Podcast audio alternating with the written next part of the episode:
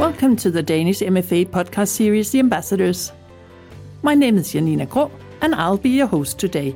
COP26 in Glasgow is here, and the Danish MFA would like to welcome both Danish and international listeners to the first episode of two podcasts focusing on the Danish goals for COP26 and on some of the Danish preparations taking place on the so called climate front posts in South Africa, Mexico, and South Korea. In this episode, we begin the journey in Copenhagen by speaking to the Danish climate ambassador Thomas Anker Christensen about the Danish goals for COP26. And a warm welcome to you, climate ambassador Thomas Anker Christensen. Thank you. I'm happy to be here. In Denmark, we have aligned our climate policy with the 1.5 degree goal, working towards a 70% reduction in greenhouse gas emissions by 2030 and climate neutrality by 2050.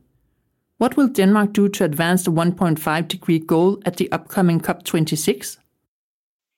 Denmark will do a number of things. Um, first of all, there will be strong political representation from Denmark at the COP. Uh, Prime Minister and uh, a number of, uh, of uh, cabinet ministers, including the Minister, of course, for Climate and Energy, Finance, Foreign Affairs, uh, Development, Transport, uh, and so on with them, there will be a, a, range of Danish businesses and, and investors, but also members of parliament, civil society, youth delegates who will all be um, uh, working hard to um, take the action uh, that we have uh, uh decided to do in Denmark um, uh, to the global stage uh, to leverage our national um, efforts to create global impact, so to speak. Um, concretely, in the um, negotiation track, uh, the Danish Minister for Climate and Energy has been asked by the UK presidency to help uh, with consultations on what ambition uh, to get to the 1.5 degree mark uh, looks like. So, in the run up to COP, the Danish minister, with his colleague from Grenada, on behalf of the UK, is talking to ministers from all over the world to understand uh, what thoughts they have given to uh, closing the so-called emissions gap that we expect at the COP. That is the gap between what countries have pledged to do to reduce emissions and what it takes to get to 1.5 degrees.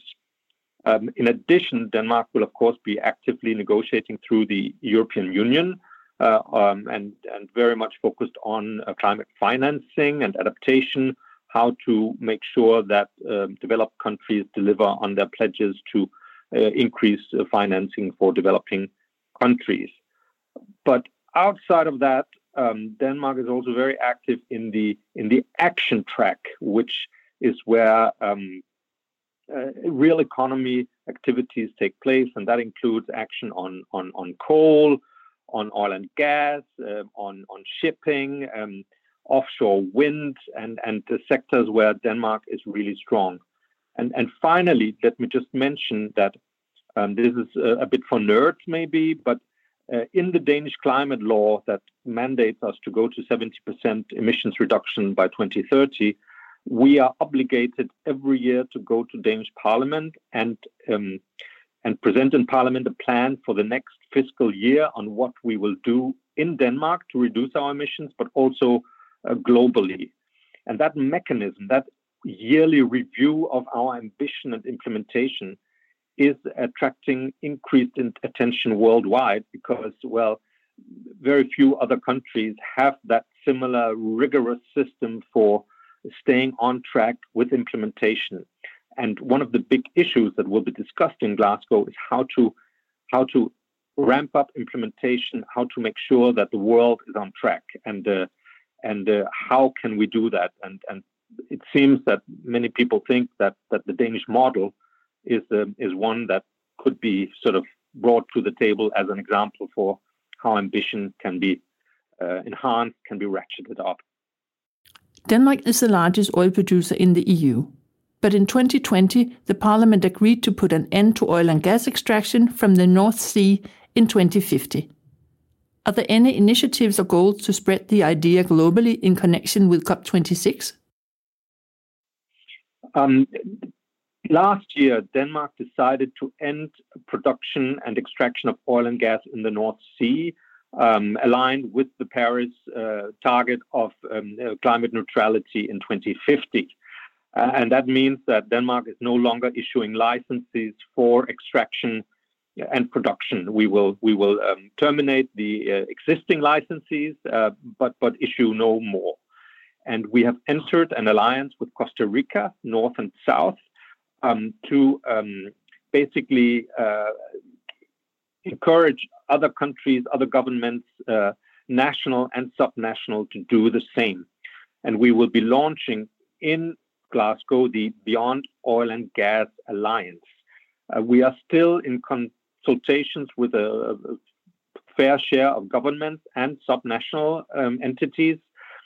Um, I can't say yet who will be there in Glasgow, but uh, but it is the kind of initiative that starts out um, uh, maybe with a smaller membership, but then slowly grows as the ball gets rolling. And, and we are in consultations also with some of the major oil and gas producers because eventually everyone will have to come to the realization that we have to leave most of the oil and gas that, that hasn't been explored yet in the ground in order to stay below 1.5 degrees. That's what science tells us. That's what the International Energy Agency and the, the International Renewable Energy Agency, that's what the, the experts tell us.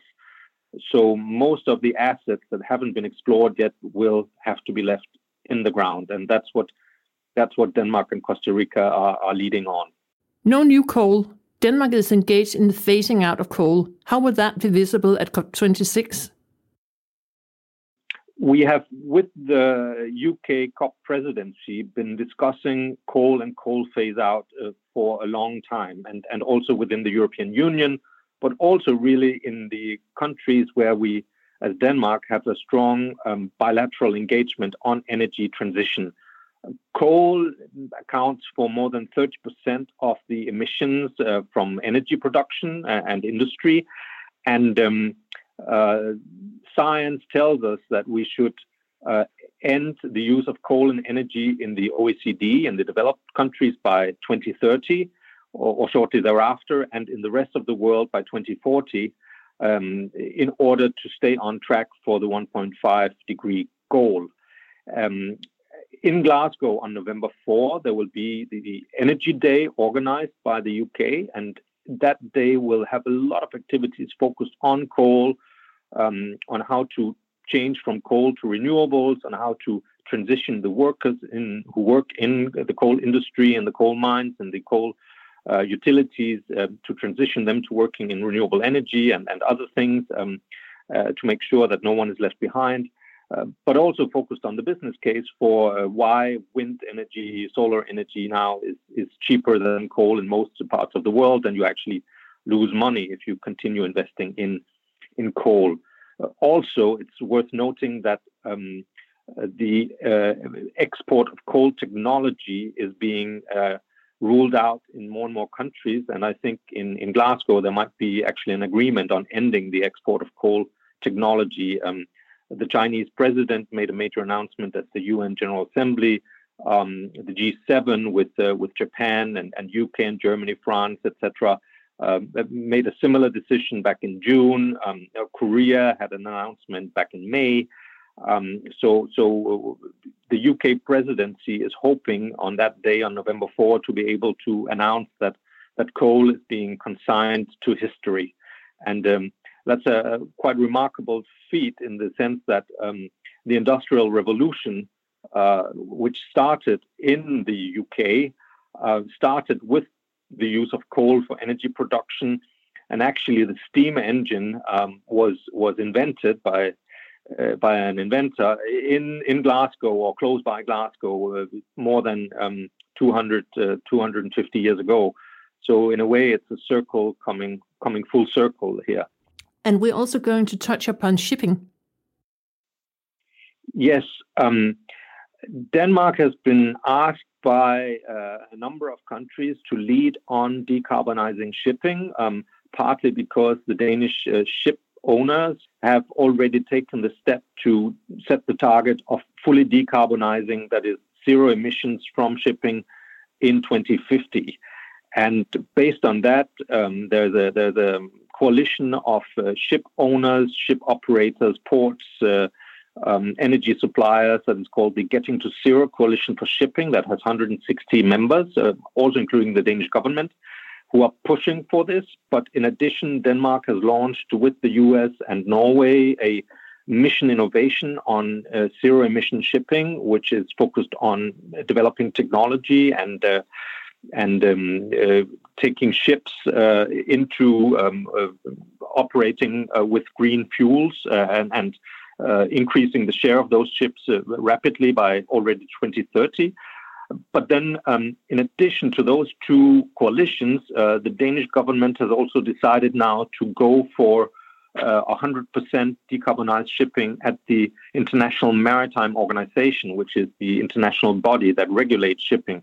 Uh, currently, the IMO target is for shipping to be uh, 50 to 70% um, uh, lowering their emissions by 2050. And in the new round of negotiations at the IMO, we will uh, go for 100% decarbonization. And we are uh, hoping in Glasgow to launch a new a coalition of of uh, major shipping nations uh, that will that will uh, have this common goal and can, in a way, Uh, across north uh, and south, small and large uh, shippers um, go to the IMO and and form a strong coalition for decarbonizing shipping. Shipping currently is three percent of global emissions, and if we continue with business as usual, it will be 6% by 2050, which is more than, say, Germany or, or Russia have as emissions now. So that is a major push that we will be doing on shipping in coalition with the private sector. We will end this interview with talking about the 13 climate partnerships that Denmark has at the moment. The goal is to promote that concept globally. Are there any specific plans for the promotion during the COP26? Um, actually, I think we've just launched a 14th one. So uh, we, we are actually also domestically still pushing uh, this concept. Um, in Glasgow, many of these partnerships, uh, energy, shipping, um, buildings uh, will be present, finance, and uh, the, the um, chairs of these individual sectoral initiatives are, are sort of part of our climate diplomatic push to show how in Denmark, by working hand in glove public and private. Uh, we actually both in, improve the framework conditions for doing business in Denmark, but also improve the global competitiveness of Danish businesses. Uh, and um, we are urging other countries to look at that model. Uh, we are trying to um, to inspire the European Union, maybe to have uh, partnerships with European businesses across European uh, European boundaries. Uh, we we have been talking to to to the United States about uh, our model. And um, uh, in many of the countries where I, as a climate ambassador, travel, we are also bringing that model with us as an inspiration for how to increase your ambition and uh, uh do it, uh, as I said, hand in glove with business uh, so that it's a win win situation. And we will be promoting that concept very actively in Glasgow. Thank you to Ambassador Thomas Anker Christensen. In the next episode, we will meet Danish ambassadors from so called climate front posts in South Africa, Mexico, and South Korea, and focus on some of the Danish preparations taking place there. You can follow the Danish MFA on Twitter, Facebook, LinkedIn, and Instagram. Thanks for listening.